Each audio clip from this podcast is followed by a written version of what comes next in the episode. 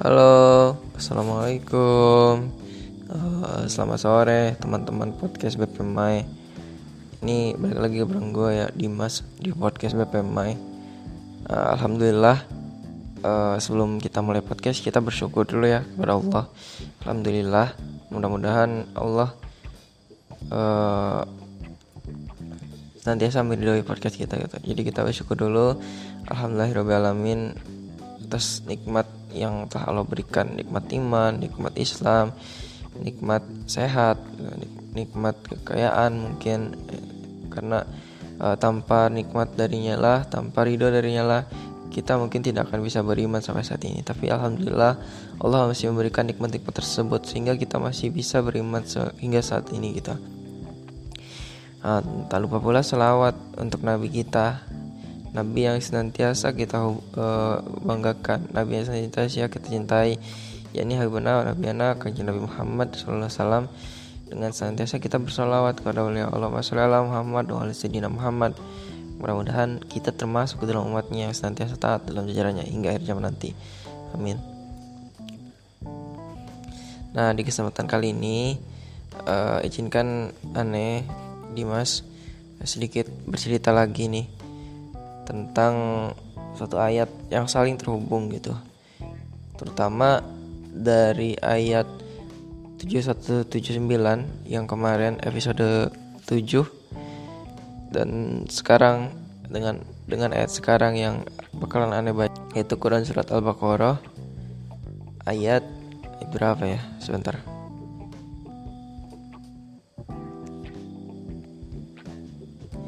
Quran surat Al-Baqarah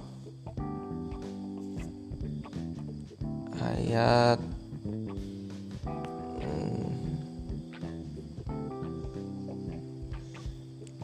khatamallahu ala qulubihim.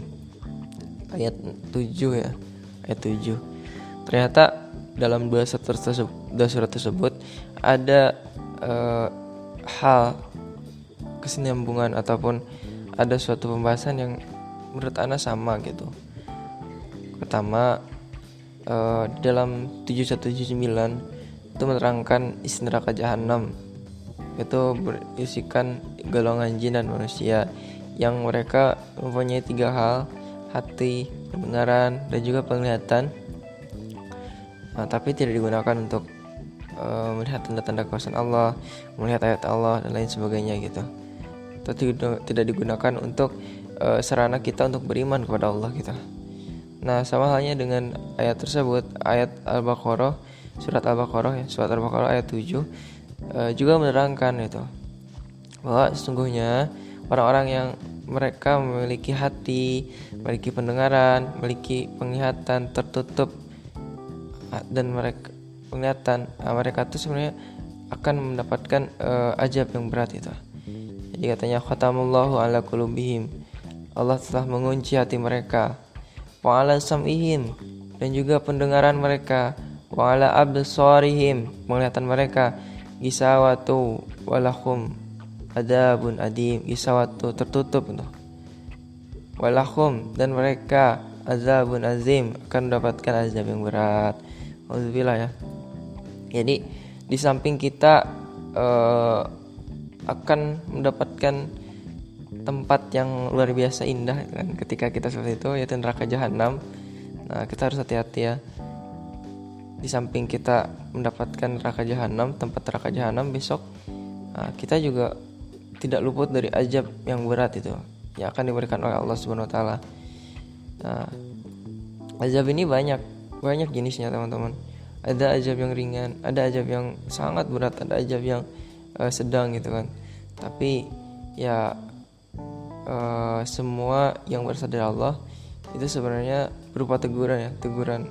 Azab itu sebenarnya berupa teguran yang Allah berikan kepada kita gitu. Atau Allah jadikan contoh untuk kaum kaum kita gitu. Jadi kalau seandainya teman-teman nih uh, mulai susah dalam uh, belajar ataupun mulai susah segala urusannya gitu kan mulai Allah bersusah. Nah jadi itu mungkin eh, teman-teman harusnya takut ya. Apakah Allah ini udah mulai memberikan azab kepada kita gitu? Karena uh, kita udah melakukan sesuatu yang buruk gitu. Apakah Allah Allah udah mengajak kita? Uh, tapi kita juga apa namanya ya patut bersyukur ya. Patut bersyukur atas setiap cobaan cobaan-cobaan tersebut itu. Karena di samping kita tuh takut gitu kan kita juga harusnya senantiasa bersyukur karena Allah itu akan memberikan ujian kepada hambanya yang terpilih gitu namun Allah juga akan memberikan azab kepada hambanya yang terpilih gitu seperti itu. Jadi eh, jangan sampai teman-teman diberikan azab oleh Allah gitu kan. Dan teman-teman merasa itu adalah cobaan gitu nah, jadi di samping teman-teman ketika teman-teman merasa ini cobaan teman-teman segeralah istighfar gitu. Segeralah ingat kembali kepada Allah. Jangan sampai teman-teman ketika teman-teman dikasih cobaan teman-teman hanya bersyukur gitu. Alhamdulillah ya Allah amba dikasih cobaan itu kan. Nah, karena Allah Allah uh, masih mencintai hamba gitu kan. Nah, jadi teman-teman jangan terlalu GR lah jangan terlalu GR ya. Karena ya seperti itu Allah tuh memberikan cobaan kepada teman-teman antara dua hal. Yang pertama teman-teman tuh akan dinaikkan derajatnya karena teman-teman tuh telah melakukan sesuatu yang luar biasa gitu kan. Sehingga teman Allah tuh mencoba atau menguji teman-teman gitu. Apakah teman-teman ini akan berhasil melewati ujian Allah atau tidak gitu. Atau uh, teman-teman uh, sedang diberi azab oleh Allah gitu kan. Karena teman-teman udah uh, melakukan suatu hal yang buruk di mata Allah gitu Nah, jadi antara dua hal teman-teman dikasih cobaan.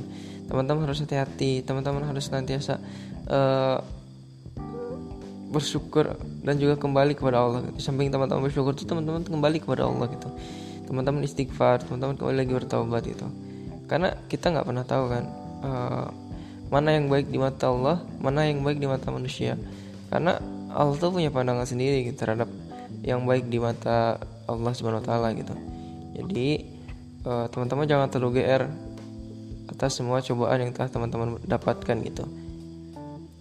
Itu intinya tetap bersyukur aja dan terus kembali kepadanya gitu. Seberat apa pun ujian teman-teman seberat apa pun cobaan teman-teman teman-teman harus nantiasa jangan untuk kembali kepada Allah senantiasa bersyukur kepada Allah gitu. Jangan sampai teman-teman mengeluh atau jangan sampai teman-teman uh, seperti halnya Bani Israel. Bani Israel yang senantiasa mengeluh gitu. Sama aja. Yang senantiasa mengeluh dan senantiasa membunuh nabi-nabinya gitu. Nah, jangan sampai teman-teman seperti Bani Israel. Teman-teman harus senantiasa istiqomah. Layaknya seperti seorang para sahabat yang senantiasa beriman kepada uh, Nabi Muhammad gitu. Senantiasa taat kepada Nabi Muhammad. Walaupun kita nih eh, nggak uh, pernah bertemu dengan Nabi Muhammad ya kita harus tetap mengimani Nabi Muhammad gitu. Kita harus senantiasa uh, taat itu kepada beliau. Karena ya Nabi Muhammad adalah utusan utusan Allah gitu utusan Allah. Walaupun dalam episode 12 ya kita bahas tentang gitu cinta. Walaupun kita mencintai Nabi Muhammad tidak boleh semata-mata karena nafsu kita semata-mata karena inginan kita kan tetapi ya kita harus tetap uh, mencintai beliau dengan catatan kita mencintai beliau karena Allah karena perintah Allah. Dan Allah tuh udah menjadikan Nabi Muhammad itu sebagai uh, rasul sebagai nabi nabi kita, nabi kita gitu rasul kita. Jadi kita patut mencintainya kita patut mengagungkannya gitu karena Allah memerintahkannya gitu. Namun ketika suatu saat itu ternyata Nabi Muhammad ini uh, digantikan tapi kayaknya nggak mungkin sih. Itu lucu kali kalau digantikan.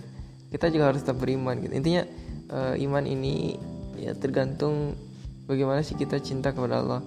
Gimana sih uh, kesabaran kita gitu terhadap perintah-perintah Allah. Iman itu diukur dari itu teman-teman. Jadi teman-teman harus semangat teman-teman harus tetap istiqomah dalam setiap kebaikan teman-teman.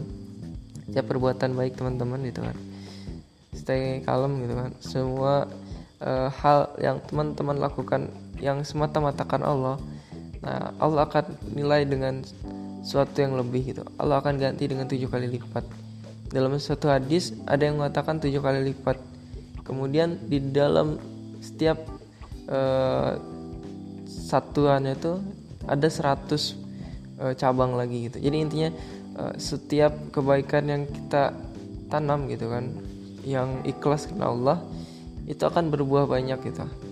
Bahkan akan menghasilkan uh, pahala yang berlipat-lipat ganda gitu teman-teman harus senantiasa uh, istiqomah gitu kan. Karena itu janji Allah janji Allah seperti itu.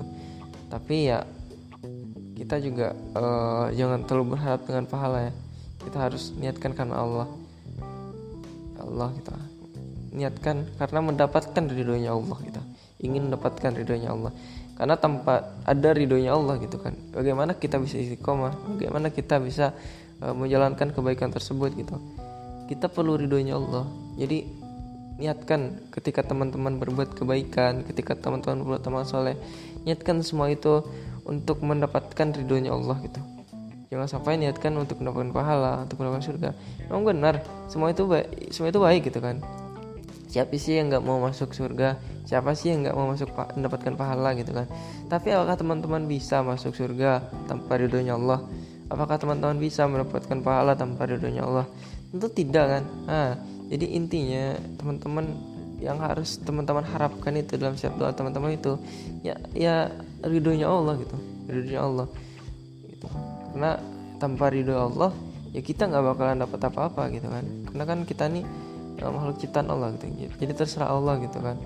Uh, mau diapakan kita gitu. Oleh karena itu ya kita senantiasa berharap ridhonya Allah kepada Allah kita itu mungkin untuk uh, podcast sore ini ya. Terima kasih sudah mendengarkan. Uh, gue Dimas Manudiri Assalamualaikum warahmatullahi wabarakatuh. Dadah